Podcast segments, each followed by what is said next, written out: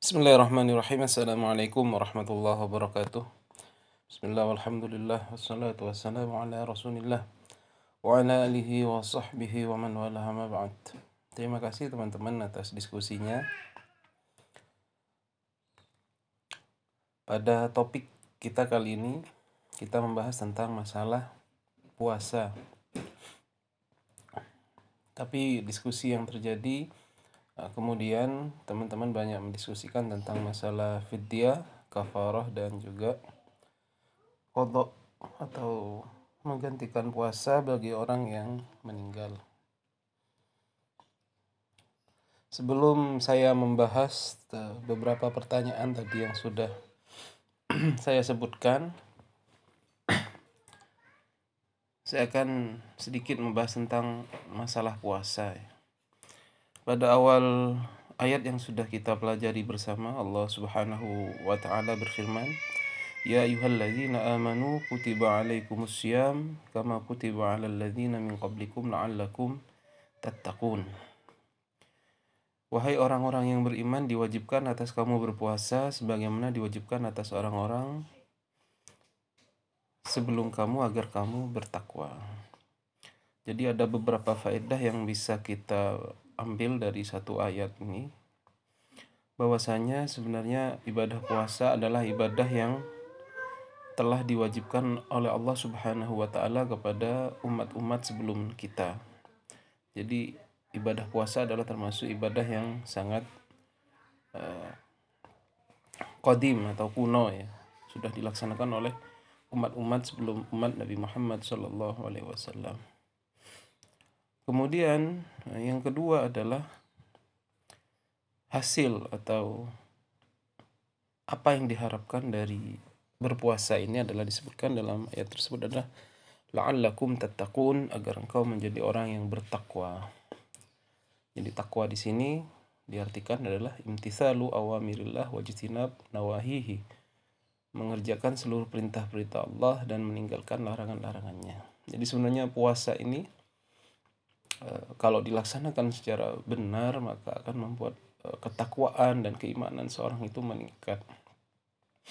Dikarenakan eh, ketika orang itu berpuasa maka dia akan merasa selalu diawasi oleh Allah Subhanahu wa taala.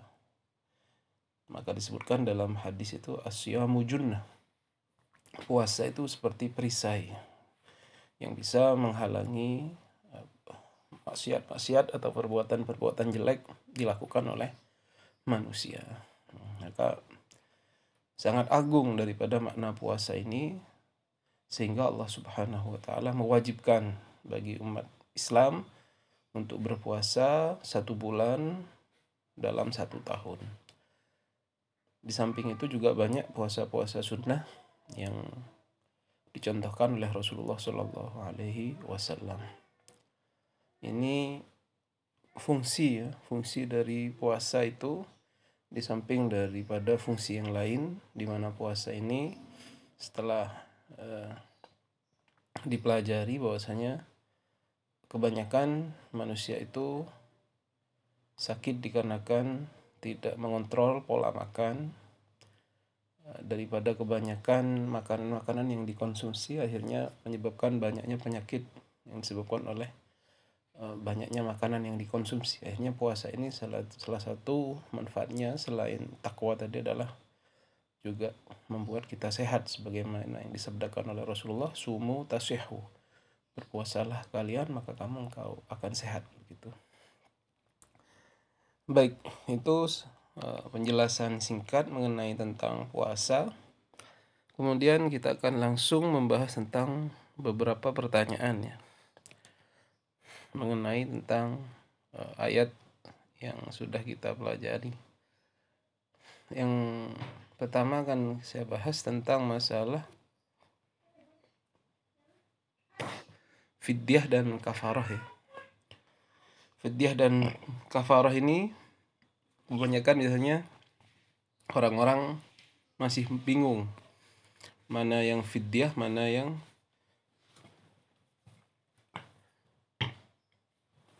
kafarah. Jadi kalau yang fidyah perbedaannya dengan kafarah ini sudah kita baca tadi ayatnya. Wa 'alal ladzina yutiqunahu fidyatun ta'amu miskin. Faman tatawwa khairan fahuwa khairul lahu wa antasumu khairul lakum in kuntum ta'lamun. Barang siapa yang tidak bisa ya wa 'alal ladzina yutiqun. Dan atas orang-orang yang berat menjalankan puasa yutiqunahu berat menjalankan puasa fidyatun fidyah ta'amu miskin memberi makan orang-orang miskin. Maka barang siapa yang mengerjakan kebaikan, maka dia lebih baik baginya. Maka fidyah di sini adalah sebenarnya solusi bagi seorang yang sudah sangat udur, sudah sangat sepuh, di mana dia tidak bisa melaksanakan ibadah puasa dikarenakan kondisi kesehatannya sudah tidak bisa berpuasa, maka diwajibkan orang tersebut untuk membayar fidyah dan boleh dia tidak berpuasa. Fidyahnya adalah dengan memberi makan eh, tiap hari dalam bulan puasa itu selama 30 hari ya kalau puasa Ramadan satu mud bagi orang miskin. Satu mud ini kalau kita pakai timbangan yang sekarang kira-kira ini adalah setengah kilogram lebih kalau di Indonesia berarti setengah kilogram beras kita bayar fidyah bagi orang yang sudah sepuh tidak mampu puasa itu bayar fidyah dengan setengah kilogram emas lebih setengah kilogram beras lebih itu. Ada juga yang me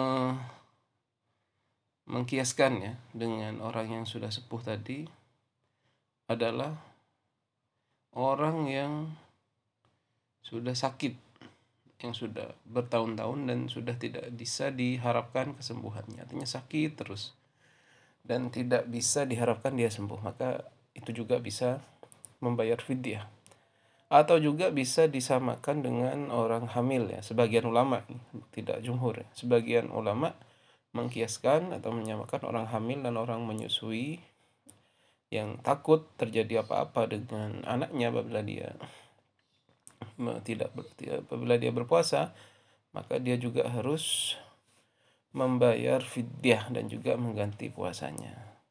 Tetapi ini pendapat yang uh, tidak jumhur ya.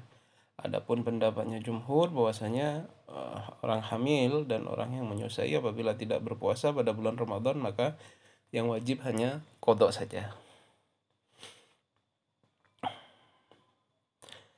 itu masalah fidyah ya fidyah adapun kafaroh itu adalah hukuman ya adalah hukuman bagi orang yang ber, pada bulan puasa di siang harinya melakukan hubungan suami istri maka kafarohnya adalah dengan yang pertama kalau dia mampu dengan memerdekakan budak kalau tidak mampu dengan memberikan makanan kepada 60 orang miskin setiap hari dengan satu mud. Maaf ya, memberikan 60 orang miskin saja ya. Memberikan 60 orang miskin ya. Setiap satu orang satu mud, berarti 60 mud. 60 mud diberikan kepada orang miskin. Oh maaf itu yang ketiga ya. Yang kedua itu adalah berpuasa selama dua bulan secara berturut-turut tidak boleh putus yang ketiga baru memberikan makan 60 orang miskin setiap orang miskinnya satu mut dan itu secara berurutan ya. Cuman yang menarik ya dari hadis Nabi ya yang sudah kita pelajari sebagaimana hadis yang diriwayatkan oleh Abu Hurairah ya. Ja'a rajulun ila Nabi sallallahu alaihi wasallam faqal halaktu ya Rasulullah qala wa ma ahlakaka wa ma ahlakuka qala waqa'tu ala imraati fi Ramadan qala hal tajid ma ma ta'taq ma ta'taq raqabah ma ta'taq raqabah qala la qala fal tastati an tasum syahraini mutatabi'ain qala la qala fal tajid ma tut'im sittina miskinan qala la Qala thumma jalasa. Fa'utiya Nabi sallallahu alaihi wasallam bi'arakin fihi tamr. فقال صلى الله عليه وسلم تصدق بهذا قال أفقر منا فما بين لا بتيها أهل بيت أحوج منا fadhahikan Nabi sallallahu alaihi wasallam hatta badat am anyabuhu thumma qala idhhab fatimhu ahlaka. Jadi di sini ketika ada seseorang yang berkata pada Nabi oh, celaka wahai Rasulullah saya sudah melakukan hubungan uh, suami istri di bulan Ramadan. Kemudian Nabi bilang apakah engkau bisa memerdekakan budak? Nggak bisa ya Rasulullah apakah engkau bisa puasa dua bulan turut-turut? Gak bisa ya Rasulullah. Gak mampu saya. Apakah kamu bisa memberikan makan 60 orang miskin? Gak mampu ya Rasulullah. Gak mampu semua. Kemudian Nabi mengambil arok ya, satu arok. Satu arok ini kalau dibagi bisa sampai 60 mut jadi sama dengan 60 mut uh, makanan satu arok. Isinya tamar, isinya kurma. Dan Nabi bilang tasodak bihada. Ya dikasih Nabi, dikasih Nabi. Kemudian suruh sodakohkan. Artinya untuk membayar kafarohnya itu diberi Nabi. Kemudian dia bilang, siapa yang lebih fakir dari kami? siapa yang lebih fakir dari kami? Dia disuruh sodakoh tapi dia nggak menemukan yang lebih butuh daripadanya tidak ada di antara uh, kita ini yang lebih butuh, yang lebih fakir dari saya katanya. Dan Nabi tertawa hingga tampak ya. Ambia buhu mungkin tampak gigi beliau ya tertawa tersenyum begitu. Pergilah. Kemudian uh, fatimhu ahlak. Maka berilah makan dengan tamr itu kepada pada keluargamu. Artinya disodakokan pada keluarganya sendiri. Karena memang dia termasuk orang yang fakir begitu ya.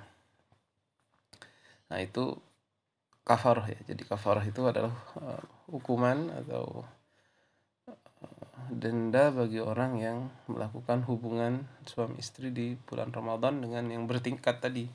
Merdekakan budak, puasa dua bulan berturut-turut atau memberikan makan 60 orang miskin. Setiap orang miskinnya diberi satu mud. Nah, itu perbedaan antara fidyah dan kafarah. Kemudian pertanyaan juga tentang masalah apakah puasa bagi orang yang meninggal itu harus dikodok oleh eh, keluarganya. Um, disebutkan bahwasanya oleh doktur ya Syauqi Alam, beliau mufti dari negara Republik Arab Mesir, bahwasanya apabila ada orang meninggal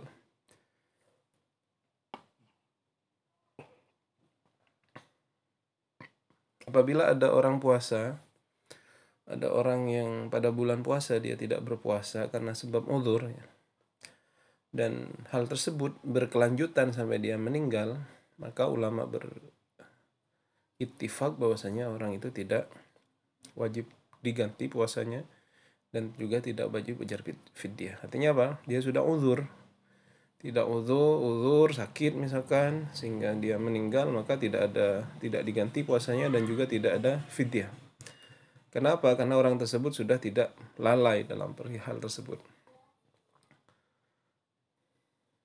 Maka eh, dia tidak wajib diganti puasanya ataupun tidak harus dibayar fidyah karena tidak ada hal yang dilanggar di sana. Namun apabila ada orang yang sudah tidak punya uzur dan dia sudah bisa mengkodok dari puasanya, dia sudah hilang uzurnya misalnya, sudah hilang uzurnya dan dia sudah mampu untuk mengkodok puasanya, tetapi dia tidak sempat mengganti puasa yang dia tinggalkan itu sehingga dia mati, maka fukoha di sini mempunyai dua pendapat. Jadi kalau yang pertama tadi, apabila dia memang punya udur, sakit, tidak bisa melaksanakan puasa sampai dia meninggal, maka itu tidak ada masalah, tidak diganti dan juga tidak biar fitih. Namun dia apabila sudah hilang uzurnya, sudah sembuh begitu, dan dia sudah mampu, andaikan dia mengganti itu, tapi dia tidak sempat mengganti, kemudian dia meninggal, itu ada dua pendapat.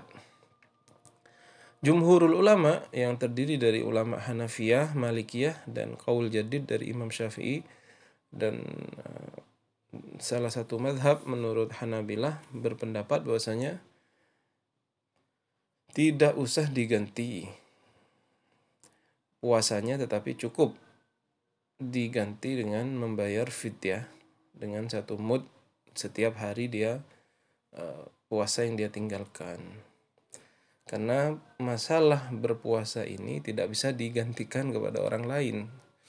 Orang puasa, kemudian dia minta dipuasakan pada waktu mati, pada waktu hidup tidak bisa. Begitupun juga demikian hukumnya ketika mati, nggak bisa juga puasa itu digantikan. Seperti sholat juga ya. Sholat itu tidak bisa misalkan si A tolong ya saya nggak udur ini saya disolat disolatkan kamu sholat saya nggak bisa puasa ini tolong kamu yang puasa nggak bisa seperti itu nah, makanya dalam hal seperti ini jumhur berpendapat kalau ada hal-hal yang tidak bisa digantikan ketika dia hidup maka ketika dia mati tidak bisa digantikan juga. Cukup diganti dengan membayar fidyah. Itu kaul yang pertama. Adapun kaul yang kedua, ini pendapatnya eh, golongan dari para salaf, di antaranya adalah Imam Taus dan Imam Hasan Al-Basri dan juga eh, Az-Zuhri dan Qatadah dan juga Abu Thawr. Dan juga ini madhabnya Imam Syafi'i di eh, kaul qadimnya. Kemudian apa pendapatnya? Boleh ya, boleh bagi walinya untuk mengganti puasa mengganti puasa orang tersebut.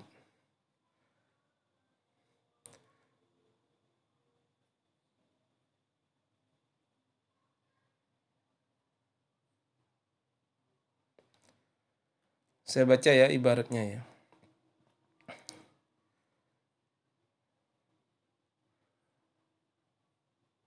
Annahu yajuzu liwalihi ayyusuma anhu. Boleh bagi walinya untuk berpuasa dari mayit tersebut. Zada Syafi'iyah menambahkan Syafi'iyah. Wa yujzi'uhu dzalika anil it'am. Dan itu kalau sudah diganti dengan berpuasa tidak usah memberikan makan lagi, tidak usah pakai uh, memberikan satu mut tadi sudah enggak usah. Wa tabarra bihi dhimmatul mayyit dan juga sudah menjadi bebas tanggungannya mayit tersebut. Wa la yalzim al-wali as-saum bal huwa ila ikhtiyarihi wa in kana awla minal it'am dan tidak juga mengharuskan kepada walinya untuk berpuasa begitu ya ini pendapatnya Syafi'iyah ya Syafi'iyah tapi kalau yang secara jumhur mengatakan boleh boleh untuk di diganti puasanya dengan tanpa memberikan fidyah tadi memberikan makan tapi tambahan dari Syafi'iyah mengatakan si wali tidak wajib untuk berpuasa, tapi dia punya ikhtiar. Dia punya ikhtiar kalau dia merasa uh, dia lebih bagus untuk mengganti puasanya boleh dia lakukan karena memang ada hadis yang diriwayatkan oleh Imam Bukhari dan Imam Muslim dari diriwayatkan oleh Sayyidah Aisyah bahwasanya man mata wa alaihi syam shoma anhu waliyuhu barang siapa yang meninggal dan mempunyai tanggungan puasa maka dia diganti oleh walinya.